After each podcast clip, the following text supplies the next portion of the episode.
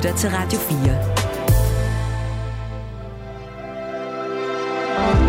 Velkommen til Mellemlinjerne. Din vært er Malte Burala.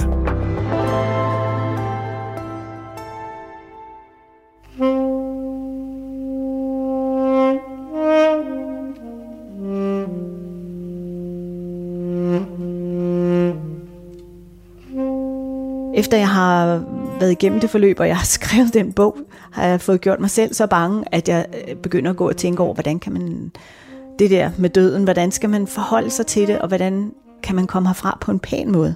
Og jeg er ikke kommet på nogen endnu.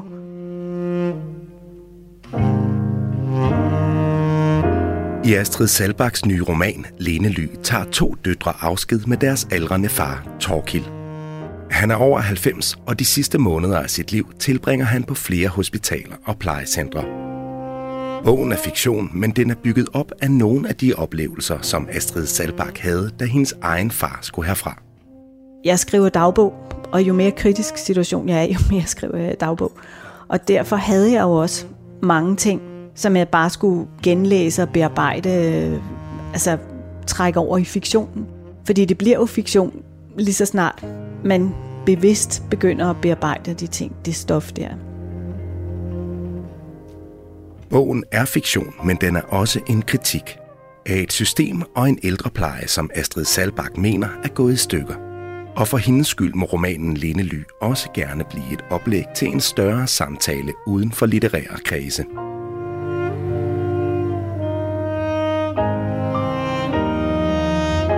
Altså, der er jo allerede en debat, jeg taler ind i, men jeg vil ikke have spurgt imod, at, at den blev brugt helt praktisk til noget, øh, jeg havde nær sagt ballade om det her, fordi hvad er det for et samfund, vi vil have? Vil vi have det her? Jeg hedder Malte Vorela. Velkommen til Mellemlinjerne.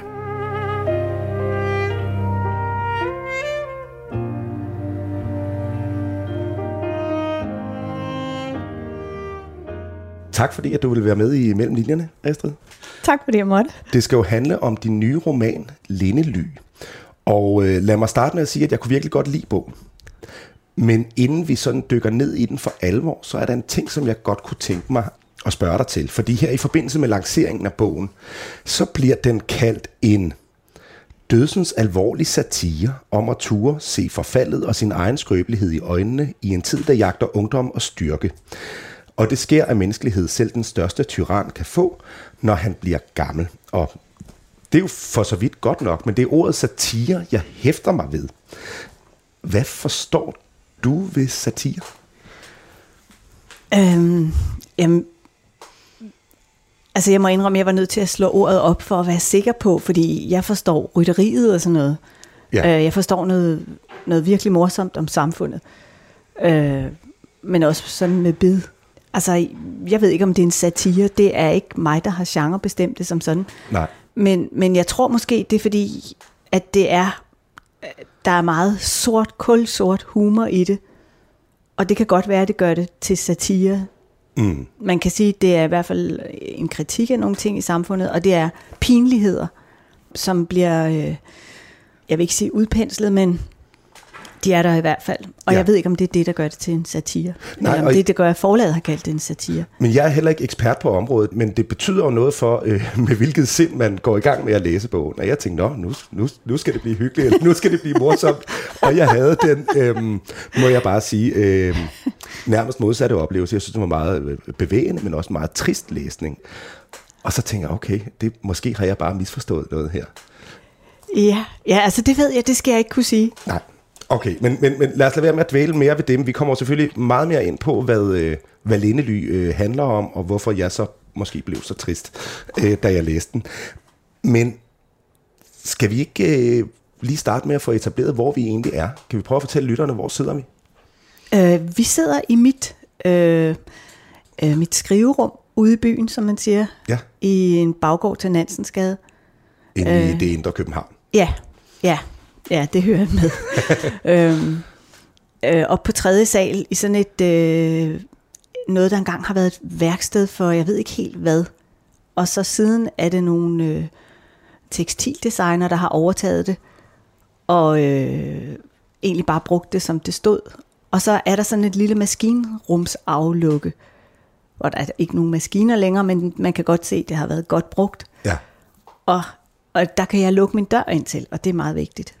Det er et fantastisk privilegie at kunne lukke sin dør, og alligevel vide, at de andre er derude. Præcis. Det er simpelthen det bedste. Altså, så du kan vælge øh, fællesskabet til og ja, fra ja, det kan jeg nemlig. efter humør. Ja, vi sidder Ja. jo her i et forholdsvis lille lokale, kan jeg vist godt sige, uden Ja. at fornærme nogen. øh, men du har dog et, et, et vindue ud, og der er, Ja. er, er kig op til himlen og til Ja. træ, trækroner og så videre. Ja. Og på en, en dag som i dag, hvor solen skinner, der virker det som et pragtfuldt sted at Ja. sidde og, og skrive. Det er det også. Men er det her, du tager hen, når du skal sidde og skrive en, en Ja. bog? Ja, det og er i det. det. hele taget måske? Ja. Jeg kan godt lide at lade som om, at jeg, hvad skal man sige, har et normalt arbejde. Ja. Jeg kan godt lide at tage hjemmefra og blande mig i trafikken, køre hurtigt, som om jeg kunne blive fyret, hvis jeg kom for sent. øh, og så gå op ad trappen her. Det elsker jeg simpelthen. Okay. Vi skal jo øh, tale mere om øh, din bog og om Lindely, måske også om stedet her. Men inden vi rigtig lægger fra land, vil jeg godt lige give lytterne en kort præsentation af lidt af det, du har bedrevet i dit professionelle øh, virke. Øh, det bliver langt fra det hele, fordi vi skal jo også have tid til at, at tale med hinanden. Men øh, her kommer en hurtig overflyvning. Astrid Salbak er født i 1955 og uddannet skuespiller fra Statens Teaterskole i 1978. Men det er som dramatiker og forfatter, at Salbak især har gjort sig bemærket. Hun debuterede som dramatiker i 1981 med radiospillet Spor i Sandet, og har siden skrevet en lang række skuespil, som er blevet opført i Danmark, såvel som mange andre lande i og uden for Europa. Som forfatter debuterede hun i 1985 med Månens ansigt, og siden har hun fået udgivet yderligere otte bøger. Senest Der, hvor du ikke vil hen, fra 2021. Gennem sin karriere har Astrid Salbak modtaget adskillige priser for sine skuespil og bøger. I 1997 blev hun tildelt Statens Kunstfonds livsvarige hædersydelse, og i 2011 blev hun desuden medlem af det Danske Akademi. Sammen med tre andre medlemmer forlod hun dog akademiet i protest i 2020.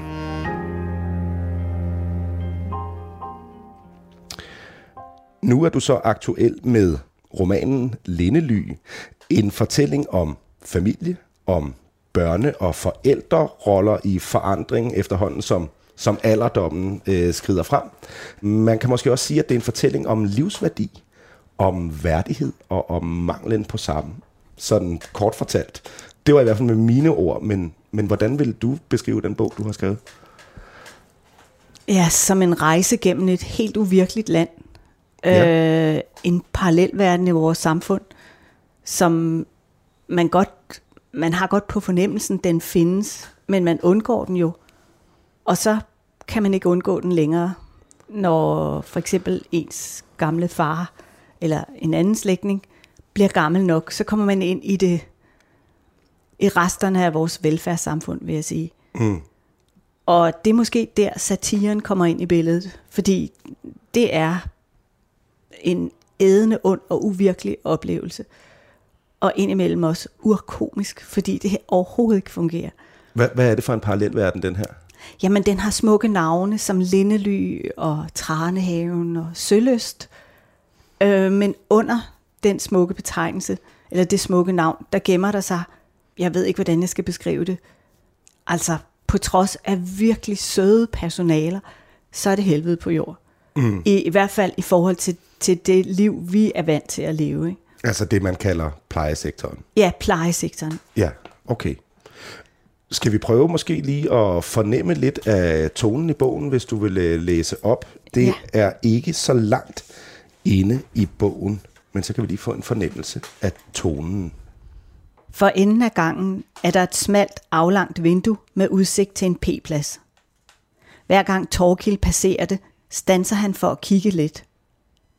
En handicaptransport kører ind, sætter en ny stakkel af. Luften er klar. Det er koldt, kan man se, men ikke så koldt, som det burde være i februar. Han slipper bremsen på rollatoren og går videre om det næste hjørne. Ned ad gangen parallelt med den, han bor på. Også her en række værelser. Nogle med døren åben, så man kan se den skikkelse, der ligger i sengen. Gamle de fleste, som han selv. Kinderne klør. Han trænger til at blive barberet. De soldater, der klarer sig bedst i krig, sagde hans far altid, er dem, der rærer deres seng og sørger for den personlige hygiejne. Et princip, han har været nødt til at slække på her. Han har ikke kræfter til at barbere sig. Heller ikke til at børste tænder. Det sidste hjælper de en med, men kun til selve børstningen. Hvad med tandtråd, spurgte han. Det er jo det vigtigste. Plejeren knækkede sammen af grin. Barbering må man selv sørge for, men hvordan? Det samme med genoptræningen. Hvor længe skal jeg være her, har han flere gange spurgt. Til du er færdig med genoptræningen, siger de. Indtil videre er den ikke begyndt. Indtil videre bliver han svagere for hver dag. Får ikke anden træning end den, han selv sørger for. I et indhak på gangen står en stepbænk, og oven på den en stabel håndvægte og en bodybar. Et par halvflade bolde. Længere hen en kondicykel. Han har ikke set noget af det i brug. Af og til går han lidt op og ned af stepbænken og løfter på et par vægte, om ikke andet så for at vise sin utålmodighed. En uge har han været her. Eller er det 10 dage? Kom hertil fra Herlev Hospital, hvor han først blev indlagt med blærebetændelse. Lå 16 timer på gangen i modtagelsen, fordi de havde glemt ham. Maden var god der, da han endelig fik noget. Personalet professionelt, interesserede sig for ham, undersøgte og udspurgte ham. Ikke som her. Her har Torkin, øh, bogens hovedperson, været på genoptræningscentret Tranehaven i ganske kort tid. Øh, han er jo en aldrende herre. Ja. Øh, men hvem er Torkin? Ja, han er en gammel hvid mand fra Gentofte, som har levet et øh, forholdsvis ubekymret og privilegeret liv, og altid haft kontrol over sig selv og over sit liv. Kontrol er noget, han sætter højt. Mm.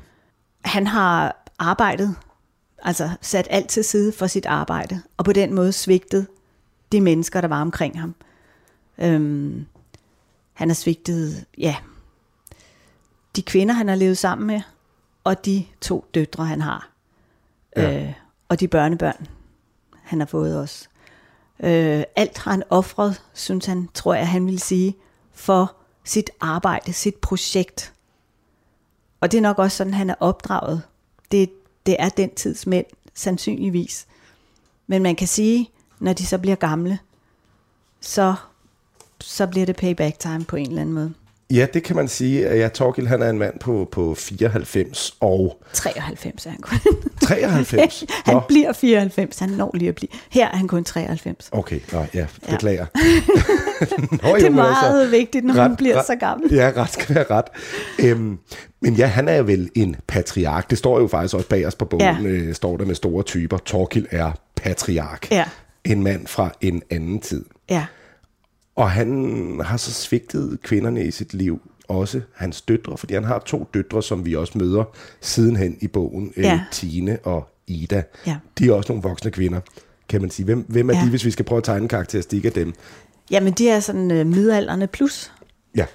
Øh, og de er, øh, hvad skal man sige, de er, har arvet hans agerighed, øh, de er ambitiøse, de arbejder faktisk også temmelig meget. De har lidt set frem til at svigte ham, når han blev gammel, som de synes, han har svigtet dem altid. Ja, det står i bogen, hvor jeg også ja. tænkte, det er en lille smule barskt, lyder det, men ja. på den anden side. Ja, men det er, det er de så heller ikke i stand til. Nej. Fordi de bliver så glade, da de får ham tilbage. Og de vil gerne lære deres far at kende på faldrebet. Så de tager, de tager imod, øh, hvad skal man sige, det uundgåelige. Det er, altså, han kan jo heller ikke klare sig uden dem. Altså han, han bliver fuldstændig afhængig af de to. Og på den måde bliver det ligesom, når man passer på nogen, det er jo en kærlighedsgærning på en eller anden måde. Man kommer jo til at holde af dem, man kommer til at lære hinanden at kende på en måde. Man ser noget menneskeligt, som, er, som man ikke ser i det daglige, travle liv. Ja. Og, og det er også der, hvor jeg synes, det der med parallelverdenen kommer ind i billedet, fordi det er ligesom om vores liv er overhovedet ikke indrettet til, at det der kan lade sig gøre. Man, man har et travlt arbejde, men man kan ikke rigtig sige, at jeg bliver nødt til at gå lidt før i dag, fordi min gamle far øh, skal have mad, eller gjort rent, eller skiftet blæ, eller hvad ved jeg. Nej, og der er de jo også øh, nogle karrieremennesker, de to øh, Ja. døtre her. Ja. Altså Tine, den ældste, Hun arbejder i ministeriet. ja, med noget kommunikation. Ja. Hun er måske kommunikationschef i Ja. et ministerium. Ja. Hun er i hvert fald rigtig travlt og er tæt på ministeren. Ja. Og det er jo et, et arbejde, hvor det kan være svært lige at, at smutte, Ja. øh, fordi journalisttyper stopper jo for eksempel ikke med at ringe. Nej, Øh, nej, nej. og søsteren Ida, hun er selvstændig Ja. optiker Ja. og arbejder på at åbne en ny filial. Ja, hun har også travlt. Ja, så det er en lille smule bøvlet så også, Ja. at, at far er blevet gammel, Ja. og at de steder, han så bevæger sig hen, der er det meget op til dem også at gøre det værdigt for ham, eller Ja. lette hans liv. Ja, fordi de er jo så underbemandet, som vi alle sammen ved, øh, at hvis du ikke har pårørende, så er du virkelig på den. Så de lever i sådan en, øh, en zone af, af stress, som tager mere og mere til, og skyldfølelse over at svigte ham, og svigte deres arbejde, svigte deres egen familie. Man svigter hele vejen rundt, når man er fanget i den der. Mm. Fordi man vil jo gerne gøre det godt. Man ved, ens pårørende, det er nok den sidste tid. Det, man ved jo ikke, hvor længe, hvor lang tid vil det her vare.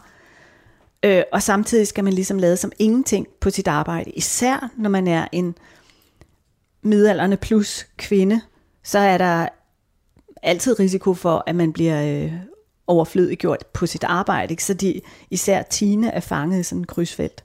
Ja, hun er bange for at blive skiftet ud med Ja, en, øh, en ung. Ja, ja, som har tid til Yes. at passe sit arbejde. Ja, Ikke? jo. Ja, og det er faktisk også det meget øhm, skægt, er igen sådan lidt i citationstegn her, gåseøjne, men øhm, der hvor hendes far Torkild øh, er ankommet der til Tranehaven, der deler han stue med en mand, der hedder Svend, Ja. og Svends kone er der hver dag, Ja. og det irriterer Ja. Tine Ja. inderligt, fordi Ja. har hun ikke et arbejde? Ja, ja. Hvordan har hun tid til det her? Ja. Ikke? Jamen det er fordi Svends kone, hun offrer sig. Og det er ligesom det, man forventer kvinder i den alder gør. Ja. De tager de der ja, byrder, kæmpe byrder på sig, uden at kny.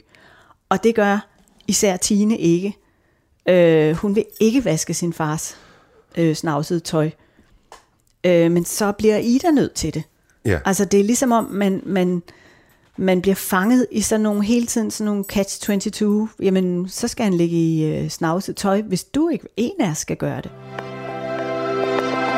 Du lytter til Mellemlinjerne på Radio 4. Hvad har inspireret dig til at skrive øh, Lindely? Ja, det har mine egne erfaringer med min egen gamle far, hvor jeg kom ind i den verden, som, jeg, jeg vil ikke sige Alice i Eventyrland, men, men fordi det er jo helt, det er en forvredet virkelighed, hvor navnene dækker over noget helt andet, end man forestiller sig. Hvor, hvor ja, hele sproget afslører, at det hele er en illusion. Og det tager ligesom til hen ad vejen, og bliver mest øh, til sidst på plejehjemmet, hvor, hvor, hvor når man endelig når dertil, når man er flyttet fem-seks gange i løbet af et halvt år, så er man fuldstændig færdig, så er man tæt på at dø, og så kan man få plads på et plejehjem. Der ja. skal man nemlig ikke være alt for rask. Og derfor behøver der ikke at være andet end skilte. Bagved er der ingenting. Altså der står måske frisør og tandlæge, alle de ting, du drømmer om. Åh, nu kommer jeg tilbage til værdighed, og nu bliver jeg mig selv igen. Måske kan jeg leve et liv her. Men der er ikke noget bagved. Og det bliver der heller ikke brug for, fordi dem, der kommer der, de har altså ikke brug for frisør eller tandlæge. Nej, så er man så er man gammel. døende. Er din erfaring i hvert fald. Ja, det er min erfaring. Altså det er jo, ja, mm, min helt tilfældig pårørende erfaring. Ja, ja naturligvis. Øhm, men jeg, jeg tænkte, det kunne være, at der var andre, der havde andre oplevelser. Helt men, sikkert, helt sikkert. Men jeg synes, jeg har hørt øh, og læst rundt omkring mange, der har oplevet det samme. Men, så det er en, en noget, du selv har Ufrivillig bevidnet. research. Ja. Og har du researchet på nogen anden vis for at skrive den her? Øh, Nej, det kan man sige. Det var ikke nødvendigt. Øh, fordi det var jo ligesom et, et øh, meget voldsomt opløb i øh, et menneske, der stod mig nærs liv, som jeg blev involveret i. Øh, så det, det var faktisk, nej, det var virkelig ikke nødvendigt. nej. Vil man kunne skrive, vil du kunne skrive en bog som Lindely, hvis du ikke selv havde været øh, oplevet de ting, du har oplevet? Det ved jeg ikke. Det, det kunne jeg nok ikke. Men jeg vil sige, det er faktisk ikke helt rigtigt, hvad jeg siger. Jeg har engang researchet på det. Og det var da jeg var helt ung for mit første stykke, det første stykke, jeg skrev til teater. Det hed Den Usynlige By. Og det handlede om personalet på en slags plejehjem. Øh, og hvor, hvor fuldkommen, øh, jeg vil ikke sige umenneskeligt, for det kan man jo ikke, jeg ved ikke, men, men hvor, hvor råt det var, og hvor meget de på en måde blev udnyttet, for selv til sidst at blive en del af systemet, for selv at blive til sidst i livet indlagt det sted, hvor de sådan set havde været med, som de havde været med til at holde liv i. Det er jo systemet, der er fuldstændig øh, skørt. Og dengang, da jeg skrev det, det er små 40 år siden, Ja. så var der ret meget debat om det. Og der tænkte jeg, nå men fint, så er det lavet helt om, når jeg bliver gammel. Og nu kunne jeg jo se, det er det ikke. Det er måske blevet lidt værre. Det er i hvert fald ikke blevet bedre. Nej. Gjorde du der nogle overvejelser om at skrive øh, med udgangspunkt i de her sådan, egne oplevelser, øh, eller skrive på noget fra eget liv? Altså alt, hvad jeg har skrevet, tager på en måde udgangspunkt. Altså starter som en kim i noget, jeg selv har oplevet. Mm. Altså det er alt, hvad man skriver, har jo rod i noget, et eller andet i virkeligheden. Med mindre det er eventyr eller science fiction. Selv science fiction kan have rod i noget, man lige har oplevet. Ja. Jeg synes, der er så rigeligt. Bare jeg kigger ud af vinduet, bare jeg læser en avis, bare jeg snakker med nogen, så er det jo en lang bearbejdningsproces, et langt forsøg på at forstå, hvad er det for en tid, vi lever i, hvad er det, der sker, hvem er de andre. Og der er det klart, at der tager man sådan en udskrab af virkeligheden og bruger dem. Ja. Nu talte vi jo indledningsvis om det her med øh, satiren, og hvad. Ja. det egentlig dækker over. Og jeg, jeg var også selv inde og, og lige slå op, hvad, hvad er egentlig en satire, da jeg havde læst den her bog. Øh, fordi jeg, som jeg nævnte, kom i tvivl. Men der stod jo også, at der stod dels, at det kunne være sjovt, men også, at det kunne være en kritik, og det kunne også være en karikatur og noget, hvor man overdriver situationer, systemer, personer. Har du overdrevet øh, Nej, og gjort brug af det for at, at tegne det her sådan triste, uværdige billede af en Nej. alderdom? Altså, jeg synes, jeg har underdrevet om noget, fordi noget af det var sådan, så man kan ikke engang, altså det, det var, jeg vil sige, det var værre i virkeligheden, ikke?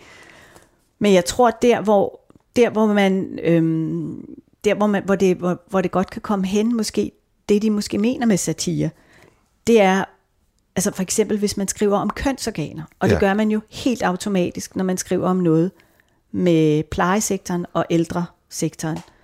Fordi der bliver det med kønsorganer, som man fra man er helt lille lærer, dem skal du ikke vise til nogen, du skal være blufærdig og sådan noget. Men når man bliver gammel, så er det lige modsat. Så har alle og enhver på en eller anden mærkelig måde adgang til dem. Altså, så skal man ikke længere være blufærdig. Og når man så mister sin blufærdighed, og det bliver man jo nødt til at gøre ret hurtigt, og det gør Torkild også, Ja, han, han begynder at betragte det sådan ligesom professionelt, ud fra et sådan næsten, øh, ja, sådan forskningsmæssigt, nå, se her, og hvad tror du så? Ja. Øh, og begynder selv at fikse sit kateter, når det går i stykker og sådan noget. Ja. Og så bliver hans døtre meget, meget blufærdighedskrænkede. Og meget irriteret over på sig selv, over at de bliver blufærdighedskrænket. Hvorfor kan de nu ikke slappe af, når han kan slappe af? ja. Så der opstår hele tiden de der tragikomiske situationer og pinligheder. Ja, og der er jo det med Torkild, øh, det lærer man allerførst i bogen, øh, at han har sådan et barndomstraume, kan man næsten Ja. kalde det, at han, Ja. han øh, er som barn ude at kælke med sin far, og er ude for en kælkeulykke, hvor han ja, simpelthen bliver ramt lige i af kælken, eller Ja. et træ, det fik jeg Nej, det kælken kører lige hen over ham, snitter lige. Ja, og så hans krymper jeg mig forhud. næsten her, ikke? Ja, at han, øhm, ja, at det bliver meget blodigt øhm, Ja. i øh, hans underliv, og han kommer på hospitalet med det.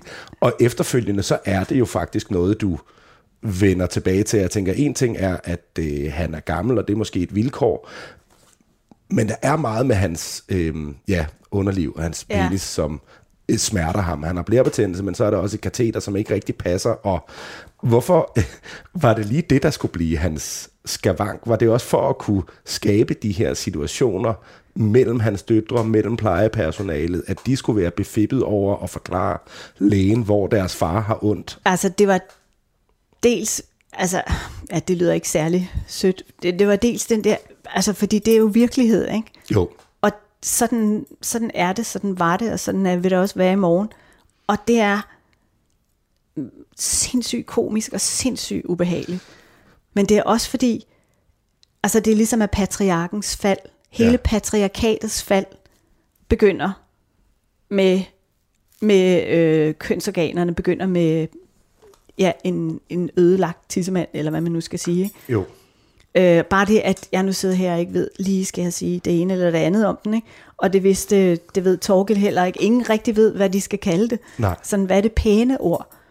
Øh, at det synes jeg var, pludselig så jeg symbolikken i det, at det der er et ekstremt sårbart punkt, og det vil fælde ham. Og det var samtidig med, at Putin gik ind og smadrede Ukraine og coronaen huserede. Jeg tænkte, det her der er, det er en stor gryde, og det her er en vigtig ingrediens.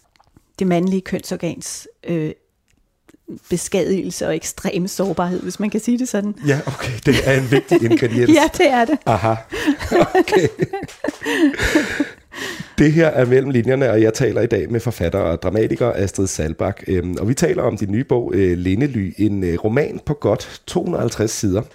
Som du lige var inde på, så øhm, foregår bogen jo tidsmæssigt i begyndelsen af 2022, fordi at øhm, corona er stadigvæk en ting, og i begyndelsen af bogen, så er Putin øh, og den russiske her begyndt at rasle med sablen øh, på øh, grænsen til Ukraine. De er ikke helt øh, gået ind endnu, men, men, men ender så med at, at invadere øh, efterhånden, som handlingen skrider frem. Altså, hvornår gik du selv i gang med at skrive? Ja, det er jo lidt en tilståelsessag på en måde. Men jeg, jeg ved ikke helt, hvordan...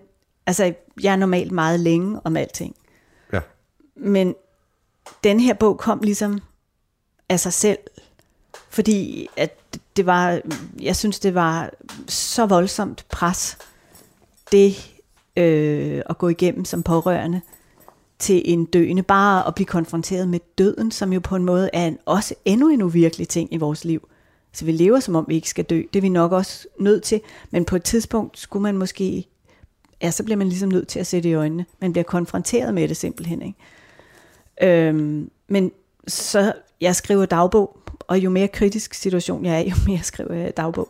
Ja. Og derfor havde jeg jo også mange ting, som jeg bare skulle, hvad skal man sige, genlæse og bearbejde, altså trække over i fiktionen. Fordi det bliver jo fiktion lige så snart man bevidst begynder at bearbejde de ting, det stof der. Så du har været, også været længe i gang, men fra det øjeblik, du besluttede dig, at det skulle være en roman, så Ja, tog det ikke så lang så tog tid. det ikke så lang tid.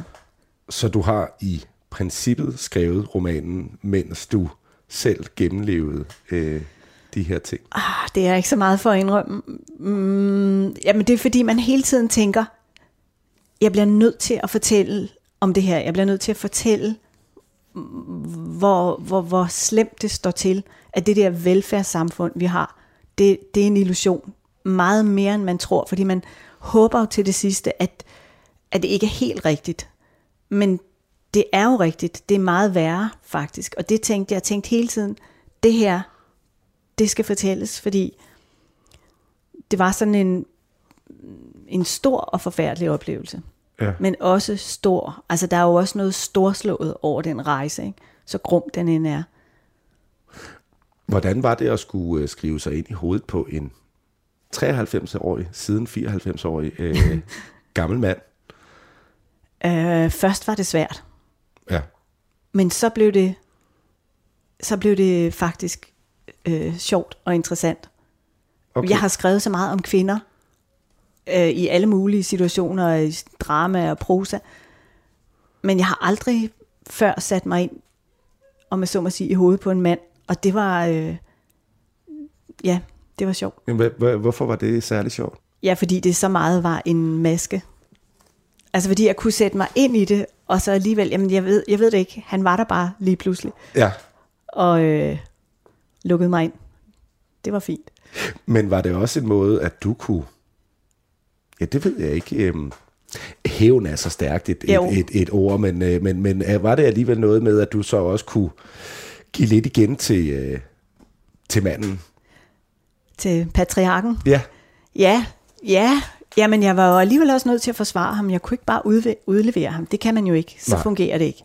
Mm. Så jeg var nødt til at gå helt ind i det. Være ham, og så udlevere ham. Nej, ikke udlevere ham, hvad skal jeg sige? Udlevere forsvare. Altså fordi, øh, jeg, jeg, jeg, opfatter det lidt som et samarbejde. Okay. jeg ved ikke helt, hvordan jeg skal forklare det. Nej. Fordi, men på en, på en sjov måde er det altid interessant at skrive om skurke. Mm. Og Torgild er jo på sin egen søde måde en skurk. Mm. Han har svigtet og svigtet og svigtet. Og været egoistisk. Men han er også så meget andet. Han er også en øh, fascinerende nørd og øh, mange andre ting. Ja. Jamen, det synes jeg er interessant, du siger, fordi at, at det er rigtigt. Ja, han, han er irriterende og nævnyttig og øh, navlebeskuende, og så er, virker han så som en, som, som så kan begynde at række ud til de mennesker, der er i hans liv. Øh, heldigvis stadigvæk, fordi han nu har behov for dem. Men, men jeg må sige, jeg fik, fik godt nok også ondt af ham øh, undervejs. At, at, at jeg synes... Øh, jeg synes alligevel, det er nogle, nogle ting, du udsætter ham for. Altså nogle, øh, nogle ydmygelser, og så øh, måske også det med, at det er hans, hans sårede kønsorgan, som man bliver ved med at vende tilbage til. Ja. Øhm, Men det er jo ens svage punkt, åbenbart. Ja. Det er meget almindeligt. Det er det, det, det, man går ned på, hvis jeg må sige det sådan. ja. Du lytter til Mellemlinjerne på Radio 4. Kan vi prøve at tage lidt mere fra bogen? Ja, Jeg kan lige prøve at give øh, noget kontekst. Øhm, her har øh, Torkil været på udflugt med sin datter Ida og hendes mand øh, Pelle. Og nu er de så vendt tilbage til aflæsningscenter Lindely, hvor han bor. Da de er tilbage på Lindely, overvejer hun, om det er lyset i elevatoren, der gør ham grå i ansigtet, eller om han er det. Har turen udmattet ham? Været for lang? Han trænger til at ligge ned, siger han. De kører ham hen til sengen, hjælper ham op. Han bliver liggende, som de har lagt ham, uden at røre sig. En kras lugt river dem i næsen. Hvad er det? Ida ser på Pelle. Han åbner et vindue. Jeg fryser, klager hendes far. Det er nødt til at lukke det igen. Går lidt rundt for at finde kilden til stanken, der er så skarp, at de hoster og får tårer i øjnene. Hvor kommer det fra, spørger Ida igen. Lige meget stønner hendes far. Nej, vi må finde ud af det. De undersøger hans værelse. Så er entréen. Køleskabet er som sædvanligt brændende varmt, men tomt. Pelle åbner døren til badeværelset. En stank af ammoniak slipper ud. Det er der, det kommer fra. På kanten af håndmasken står der en kolbe med urin. I vindueskarmen en anden. På hylden over toilettet endnu en. Det flyder med store gennemsigtige plastikposer fyldt med brugte klude og blæer. Farligt affald står der på dem. De ser på hinanden. Ida forsøger at holde sig fra både næse og mund. Farligt affald. Det er den bakterie, jeg har, visker hendes far fra sengen. Det betyder, at de ikke må fjerne affaldet på almindelig vis. Jeg går ud og ser, om jeg kan finde nogen, siger hun. Nej, lad være, lyder det fra sengen. Det lykkes hende at finde en ung kvinde, en vikar ligesom de andre, og få hende til at gå med ind på hendes fars værelse. Kan du mærke det? Kvinden hoster, hoster og holder sig for næsen. Ja, ja. I må gøre noget. Man kan ikke bo i den stank. Det gør ikke noget, stønner hendes far fra sengen. Jo, det gør. Ida begynder at blive træt og mere og mere vred. Hvor længe har hendes far levet i det her? Vikaren ringer først til en, så en anden. Tiden går. Klokken er efterhånden mange. Det er mandag i morgen. Hun skal tidligt op. Pelle også. Hendes far har lukket øjnene. Det er en skandale, Ida slår i bordet. Hvis folk vidste, siger hun. Hvis medierne fik fat på den historie. Hold op, siger hendes far. Du må ikke. Det går kun ud over mig. Vikaren forsøger at slippe udenom, væk, men Ida trænger hende op i en krog, tvinger hende til at blive ved med at ringe, til hun har fået fat i en overordnet. En midalderne kvinde kommer til fra et andet sted i bygningen, beklager stanken og siger, at poserne med farligt affald vil blive fjernet næste dag. Ja, tak. Hvilket brændstof er bogen skrevet på, hvis man kan sige det sådan? Altså er det indignation? Ja, det er vrede og afmagt. Vrede også over, også over dem, der skal arbejde i det system, som hele tiden bliver tvunget til at gå på kompromis med tingene. Og, og øhm, ja, altså skræk for selv en dag at havne i den situation. Ja. Øh, og det gør man jo, hvis man er heldig. Hvis man ikke dør inden, havde nær sig. Ja. Det er noget, der rammer os alle sammen, det her. Okay. Det er jo så spørgsmålet, hvor heldig man så er, øh, om man lever så ja, længe. men det er også måske lidt ironisk ment. Altså jeg vil sige, efter jeg har efter jeg har været igennem det forløb, og jeg har skrevet den bog, har jeg fået gjort mig selv så bange, at jeg øh, begynder at gå og tænke over, hvordan kan man det der med døden, hvordan skal man forholde sig til det, og hvordan er der, kan man komme herfra på en pæn måde. Og jeg er ikke kommet på nogen endnu. Og lige præcis en af den situation, som du læste op her, den, den ender jo så også med, at det er en af de situationer, hvor, hvor, hvor datteren Ida så virkelig altså, øh, slår i bordet Ja, og siger, det, hun det, træder i det, karakter. det, ja. det, det må man sige, hun gør, Ja. fordi man kan jo ikke være i det værelse ind til næste dag. Nej. Men han har omvendt angst for, at... Øh, Han er, han er gissel i det her, og ja. det er jo også det, man er meget bevidst om som pårørende, at det forsvarsløse menneske, man afleverer der, kan blive gissel. Fordi du, du er fuldstændig afhængig af nogen, du ikke kender, og det er hele tiden nogle nye, og mm. hvis du klager for meget, så, altså Torkild er sådan set en meget autoritet, han er så autoritetstro, at man næsten tror, det er løgn, ikke? Jo. selvom han selv har været en autoritet. Og han er skrækslagen for, at de skal bringe ham i unåde hos nogle af de der mange kvinder, han prøver at forstå og forhandle med til det sidste. Og det har også været en del af min, min hvad skal man sige, mål med at skrive den bog, at han er patriark godt nok, men han havner i kløerne på kvinder. Der er kvinder over det hele i den verden, han kommer ind i. ja, altså Kvinder- plejepersonalet. Ja, Ja. læger, alle mulige. Ja. Nu har kvinderne taget over, og han er prisgivet dem. Og han forsøger at gribe det an på forskellige vis. Kvinder fra andre lande er der jo også mange af. Og i begyndelsen prøver han at opføre sig, som om han er turist. Og spørger, nej, hvor kommer du fra? Og, sådan. og så begynder han at finde ud af, okay, jeg er ikke turist. Det er dem, der bestemmer. Jeg er i så høj grad på besøg. Ja. Nu talte vi jo så om det her med, hvorvidt bogen er en satire eller ej. Men hvis vi så lægger det til side, er bogen så en kritik? Ja, det er det. Og, og hvem er det så en kritik af? Altså er det af systemet, eller er det en kritik af at blive gammel? Ja, det er også en kritik af at blive gammel. Det synes jeg virkelig er en dårlig ordning. ja. Men øh, øh, det, er, det er også en kritik af systemet. Ja. Jeg er rystet over at se, hvor elendigt det fungerer, og hvor nedslidt det er, og i hvor forfærdelig en tilstand. Og jeg synes også helt konkret, at når jeg hører øh, vores statsminister sige, at, at øh, de pårørende skal begynde at tage mere del i plejen, i ældreplejen, vi skal til at tage os mere af hinanden, mm. så bliver jeg virkelig på vagt, fordi jeg tænker, det gør man allerede, og hvem er det, der bærer det der? Hele det der, holder liv i det der system, der sådan set fortjener at dø. Det er kvinder, og vi, fordi vi har sådan en, øh, et, en omsorgskrog, som man hele tiden kan hænge sådan nogle opgaver op på.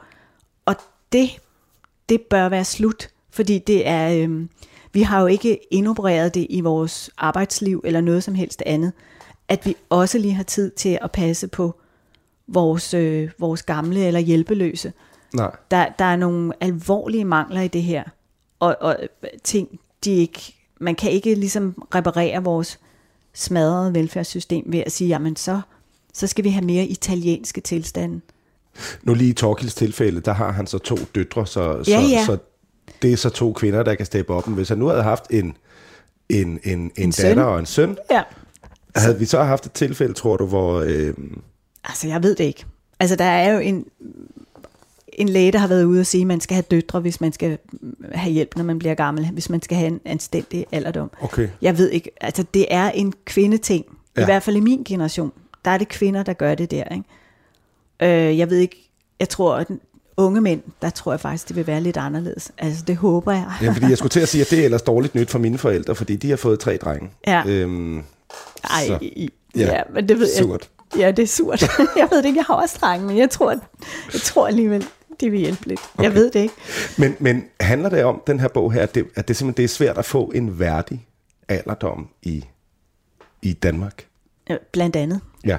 Den handler også om kærlighed, fordi den begynder med de to døtre er vrede på ham, og de gør det nødtvunget. De hjælper ham, især Tine, mod sin vilje, og hun overvejer de første mange sider, om hun egentlig bare skal gå, fordi han er ikke så sød altid.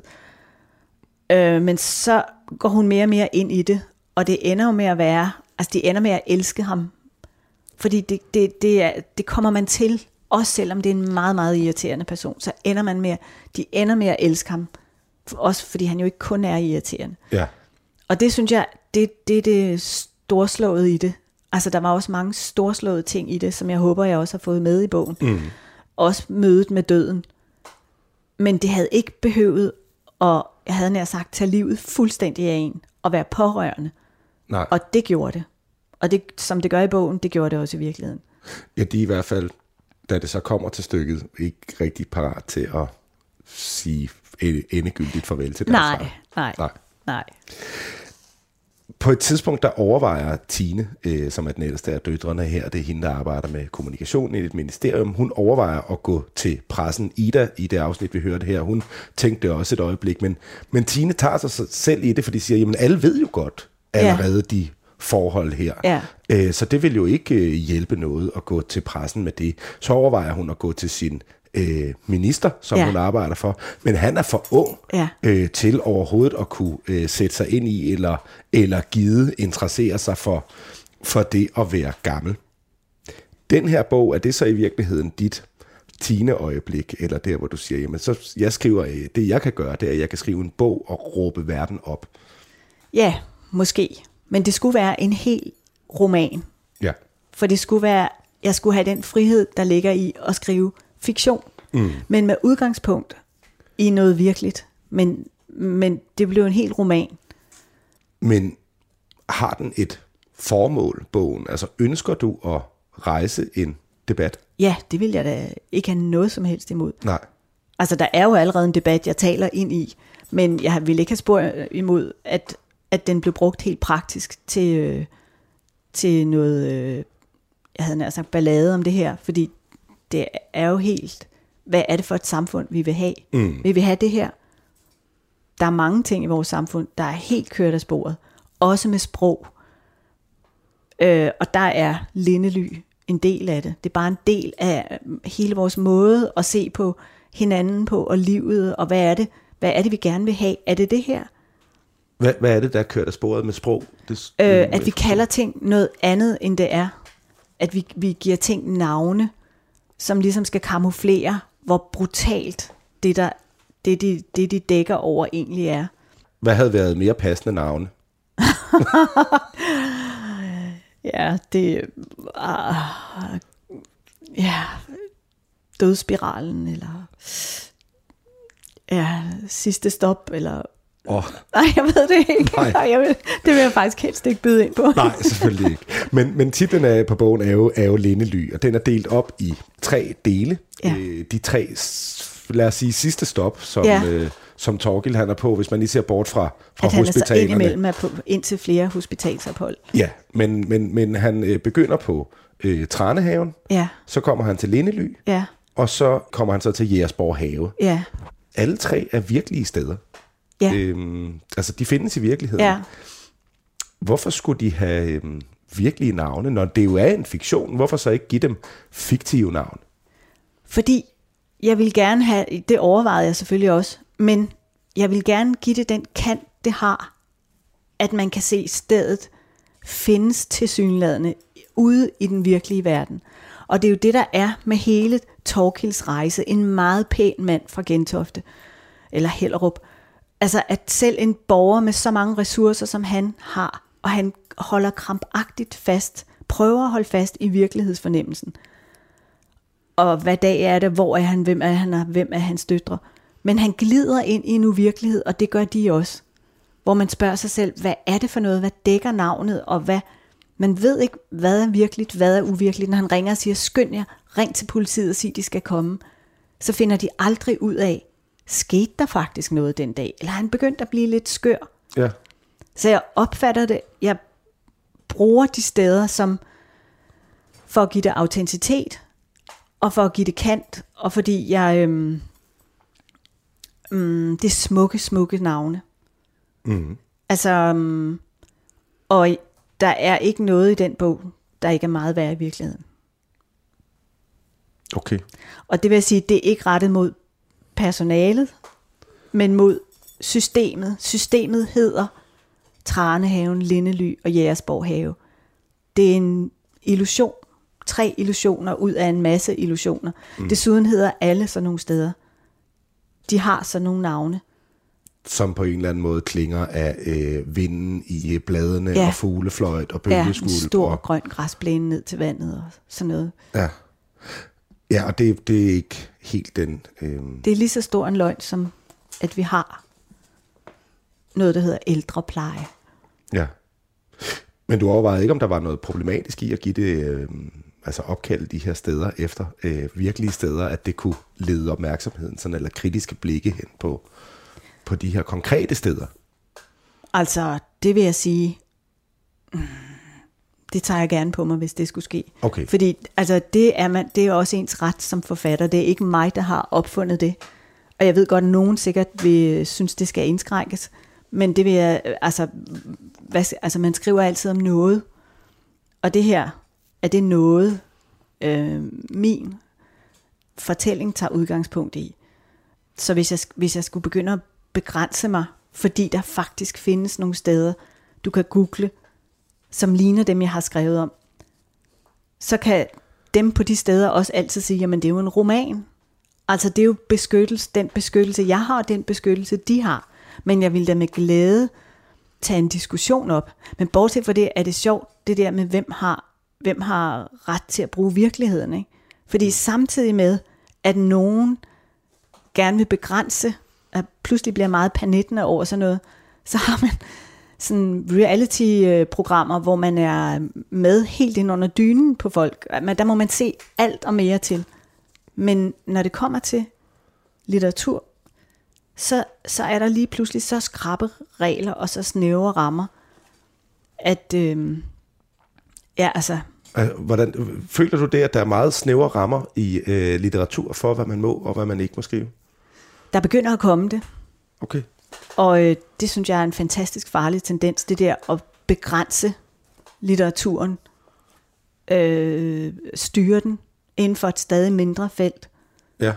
Har, har du et, et eksempel på det, for eksempel? Altså, er det fordi, at det kan være noget innuierende, eller... Mm. Nej, nej, nu tænker jeg også på det der, for eksempel, at man ikke må øh, bruge religiøse genstande i kunsten. Altså ja. de, de regler, der gælder det ene sted, gælder også det. Altså der er mange, jeg tænker på mange forskellige ting. Okay, fint. Har det været forløsende at skrive Lene Ly? Ja, det har det faktisk. Altså, jeg, jeg kunne ikke lade være. Altså, jeg, jeg er tit meget længe om at skrive alting, og du kan se de der kæmpe bunker, der ligger af klæder, håndskrevne ja. ja. klæder over det hele.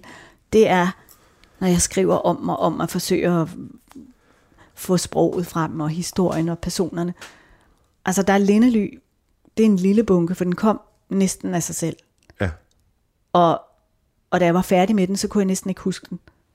Det var virkelig en, øh, jeg lukkede den, og så, uh, og når jeg skal fortælle om den, så er jeg faktisk nødt til at læse i den igen og tænker, oh, nå, øh, har jeg skrevet det?